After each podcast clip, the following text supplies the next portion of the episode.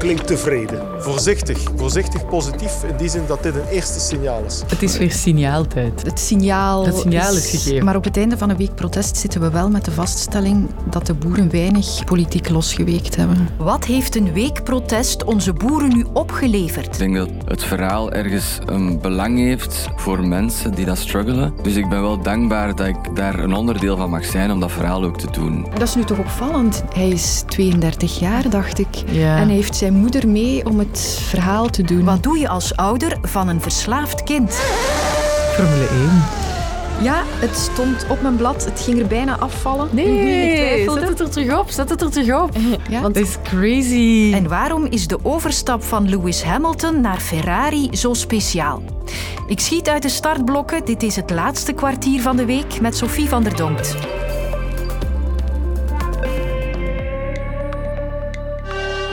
De werkweek eindigt zoals ze begonnen is, met boerenprotest. Ze stonden aan de grenzen met Nederland. Thijs, ik ben naar jou op zoek. Daar is hij, Thijs Nering. Wel, het verkeer kan weer door en dat is eigenlijk het gevolg van het feit dat hier op dit moment een deurwaarder ter plaatse is gekomen met een dwangbevel om die blokkade op te heffen. Hier en daar raakte een winkelrek niet meer aangevuld. Er stond ook een boodschap bij dat er eh, lege schappen waren in verband dus met die eh, ja, blokkades. Maar in Zeebrugge was er vanmiddag een zucht van opluchting. De protesterende boeren stoppen de blokkade aan de haven van Zeebrugge. Dat melden de organisatoren.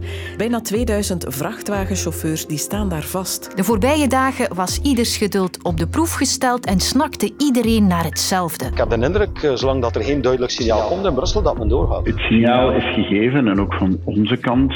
Dus eh, ja, ik denk dat nu wel het moment gekomen is om die blokkeringen op te geven. Ja. Nu wel een duidelijk signaal heeft dat er iets direct moet gebeuren. Nu. Ik denk dat er ook een heel duidelijk signaal is gekomen dat we inderdaad uit dat conflictmodel moeten treden. En die constructieve houding van de Vlaamse regering vonden de boeren dan toch een reden om een beetje tevreden te zijn vandaag.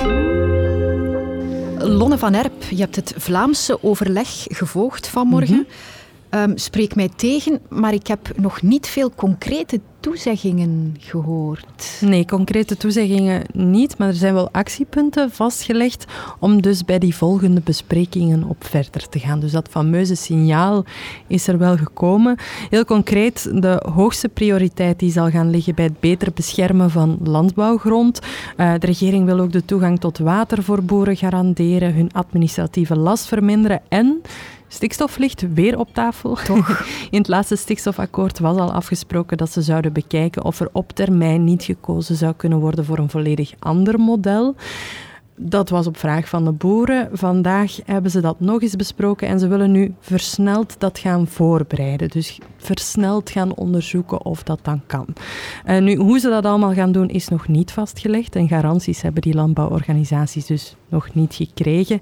En daarom waren ze achteraf toch nog heel voorzichtig hè, in hun reacties. Dat het gevoel heeft van ja, eerst zien en dan geloven. Ja, dat ze dus misschien nog niet meteen naar hun akker of stal terugkeren. Nee. Lon, het is een verkiezingsjaar en ik denk dat ik dat ook gemerkt heb hè, de voorbije dagen. Ja, absoluut. En een verkiezingsjaar wil geen enkele partij de boeren schofferen. En ja, op de protesten van de afgelopen dagen waren de meerderheidspartijen, de Vlaamse regering was echt kop van jut, hè, CD&V, Open VLD en N-VA, die stonden op alle spandoeken niet allemaal, maar ze stonden op spandoeken, werden soms zelfs weer aan de galg gehangen. Dus het was natuurlijk in hun eigen voordeel ook om die relatie met die landbouworganisaties wat te gaan herstellen. Minister-president Jan Bon zei het zelfs zelf in zijn statement na het overleg van ja, we moesten weg van het conflictmodel naar een overlegmodel. Dat conflict opzoeken kunnen ze in een verkiezingsjaar natuurlijk missen als kiespijn, nog los van het feit dat zo'n situatie ook zelden tot constructieve oplossingen leidt. Hoe is de week geweest voor CD&V? Want ja, ze hebben de bevoegde minister in hun rangen met Jo Broens.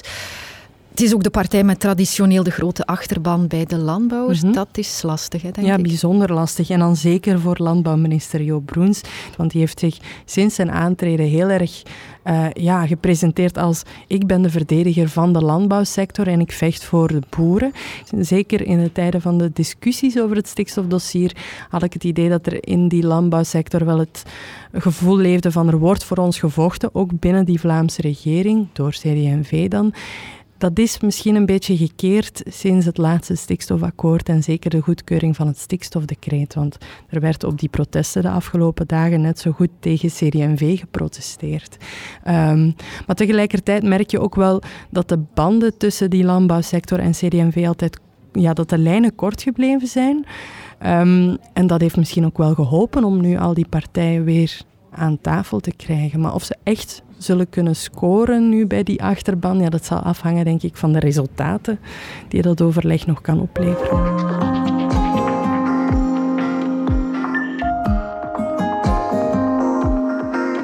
Het was een opgemerkte passage in VTM Nieuws gisteren. Zanger Max Colombi van Oscar and the Wolf kwam daar getuigen over zijn worsteling met een drank- en drugsverslaving.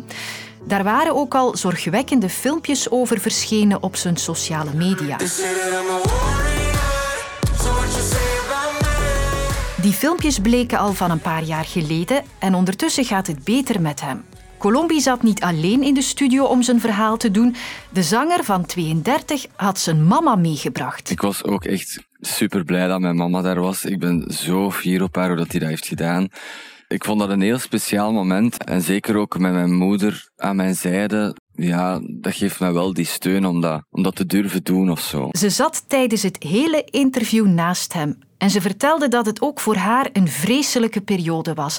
Dat ze zo graag iets had kunnen doen. Dat is logisch. Hè. Als ouder voel je altijd heel verantwoordelijk voor je kind. Je wilt het beste voor je kind. En tegelijk merk je dat er maar zoveel mogelijk is. Je hoort Tom Evenepoel. Hij is coördinator van de Druglijn, waar mensen terecht kunnen met al hun vragen over drank, drugs, pillen, gamen en gokken. En ook al is er geen handleiding, want iedereen is anders, kan hij wel tips geven voor ouders van een kind met een verslaving. Voor te beginnen is het belangrijk, denk ik, om als ouder, maar even als partner of, of broer of zus of, of zelfs collega te beseffen van kijk, jij kan het niet in de plaats van iemand anders oplossen. Je kan alleen maar helpen. En dat kan op een veel eenvoudiger manier dan, dan mensen soms ook denken. Ouders onderschatten vaak dat het gewoon al heel hard kan helpen door er te zijn voor een kind. Gewoon de deur op een kier laten, om het een beetje met beeldspraak te zeggen. Hè. Uitnodigen tot een gesprek, ook al lukt dat niet naar zoveel pogingen blijf toch aangeven aan een kind van kijk, ik, ik wil helpen als je zover bent. Ik heb mijn mening, ik vind dat je hulp nodig hebt, dat er iets moet gebeuren. Ik sta klaar om daarbij te helpen. Gewoon een steunende houding aannemen, denk ik dat heel veel kan betekenen. Ook al lijkt dat van het perspectief van ouders vaak heel weinig. Ik denk dat het ook belangrijk is om uw kind niet te gaan zien als alleen maar die druggebruiker, om het heel lelijk uit te drukken, of als die alcoholverslaafde, of noem maar op. Een kind is altijd veel meer dan dat. Hè. Hij of zij is iemand met een alcohol- of drugprobleem, maar is niet het probleem. Dus probeer ook oog te hebben voor dingen die nog wel kunnen, zaken waar wel nog kan over gepraat worden met uw kind. Positieve zaken die er nog altijd zijn, benoem die ook. Want dat zijn zaken die de band met je kind in stand helpen houden. En die ook perspectief geven, die ook wel aantonen van kijk, er zijn zaken die het de moeite waard maken om dat probleem te gaan aanpakken. Maar in de praktijk is dat niet altijd even makkelijk. Onze ervaring is dat de ouders vaak ook in een aantal valkuilen kunnen lopen. Vanuit hun helpende reflex eigenlijk. Dat kan zijn dat ze in eerste instantie willen controleren, de controle houden over de situatie met hun kind, omdat ze een zoon of dochter voor problemen willen behoeden.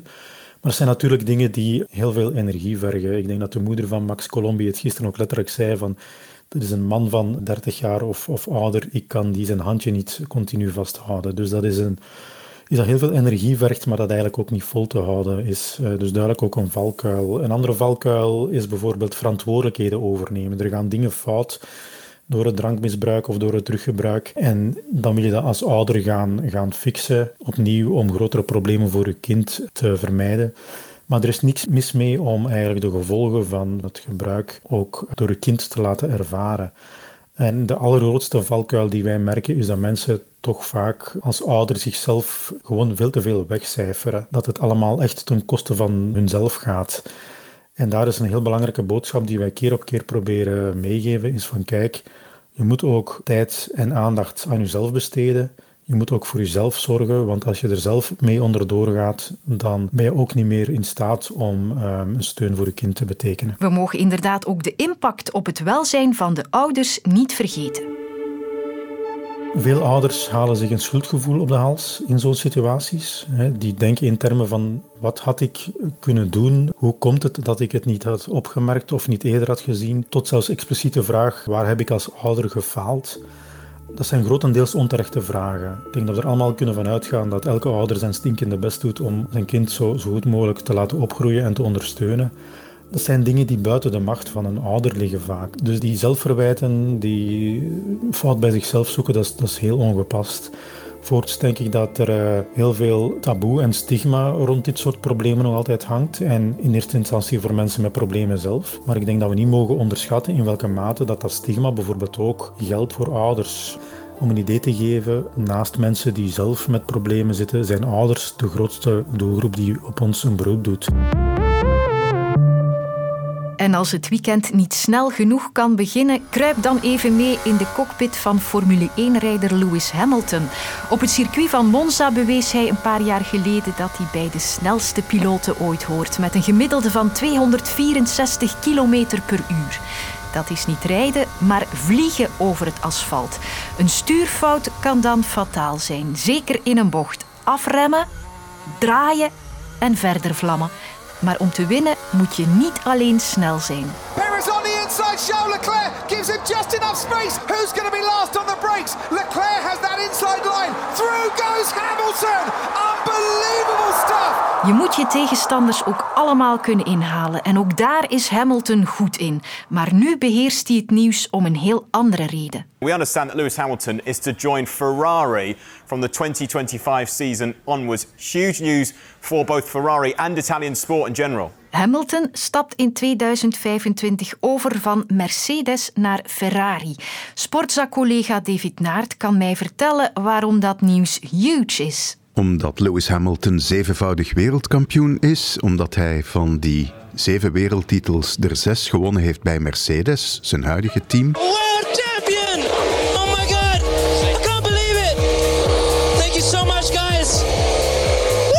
Wie Lewis Hamilton zegt, zegt eigenlijk ook Mercedes. Dat leek een huwelijk voor het leven en dat blijkt nu, net voor hij 40 gaat worden, toch niet het geval te zijn. De geruchten waren er in het verleden al wel. Uh, dat er gesnuffeld werd, dat Ferrari belangstelling zou hebben, dat Hamilton misschien ook wel interesse zou hebben in een overstap naar de Italiaanse renstal. Maar het is een moeilijke beslissing omdat hij ja, getrouwd was met Mercedes. Oké, zijn allereerste wereldtitel destijds, heel lang geleden, was bij McLaren. En toen maakte hij de overstap naar dat nieuwe team Mercedes. En iedereen dacht van, hm, wat doet hij nu? Maar zijn instincten bleken wel de juiste te zijn. Het is een weergaloos succes geworden. En de voorbije seizoenen liep het dan wat minder.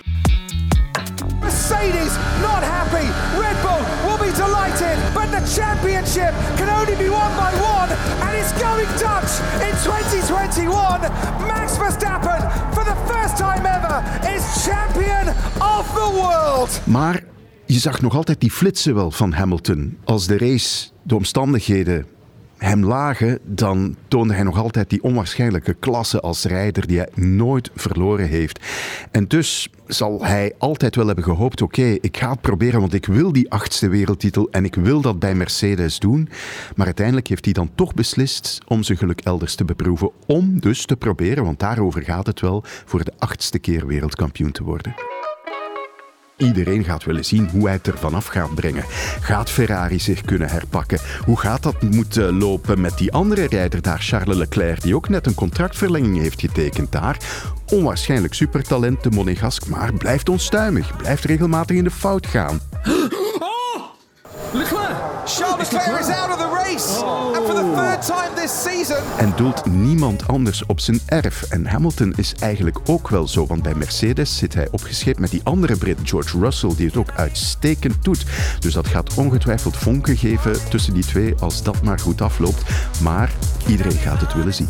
Met de overstap van Hamilton worden de kaarten nog eens goed doorheen geschud. En dat is een goede zaak. De Formule 1 heeft zeker wel iets nodig. Want uh, ook afgelopen jaar was het overwicht van Red Bull en zeker Max Verstappen veel te groot.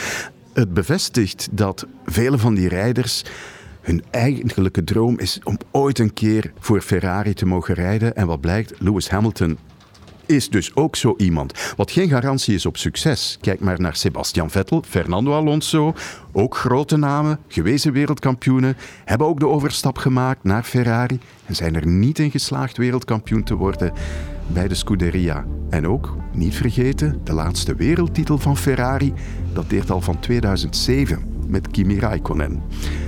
De weg is lang. Het parcours van dit kwartier begon met tractoren, eindigde met een Ferrari. Ik ga met een gewone auto naar huis en wens je een fijn weekend. Wil je meer te weten komen over China? Zo vaak in het nieuws, maar ook zo vaak een mysterie. Luister dan naar de maandelijkse podcast China voorbij de muur. Nu in de app van VRT Nieuws.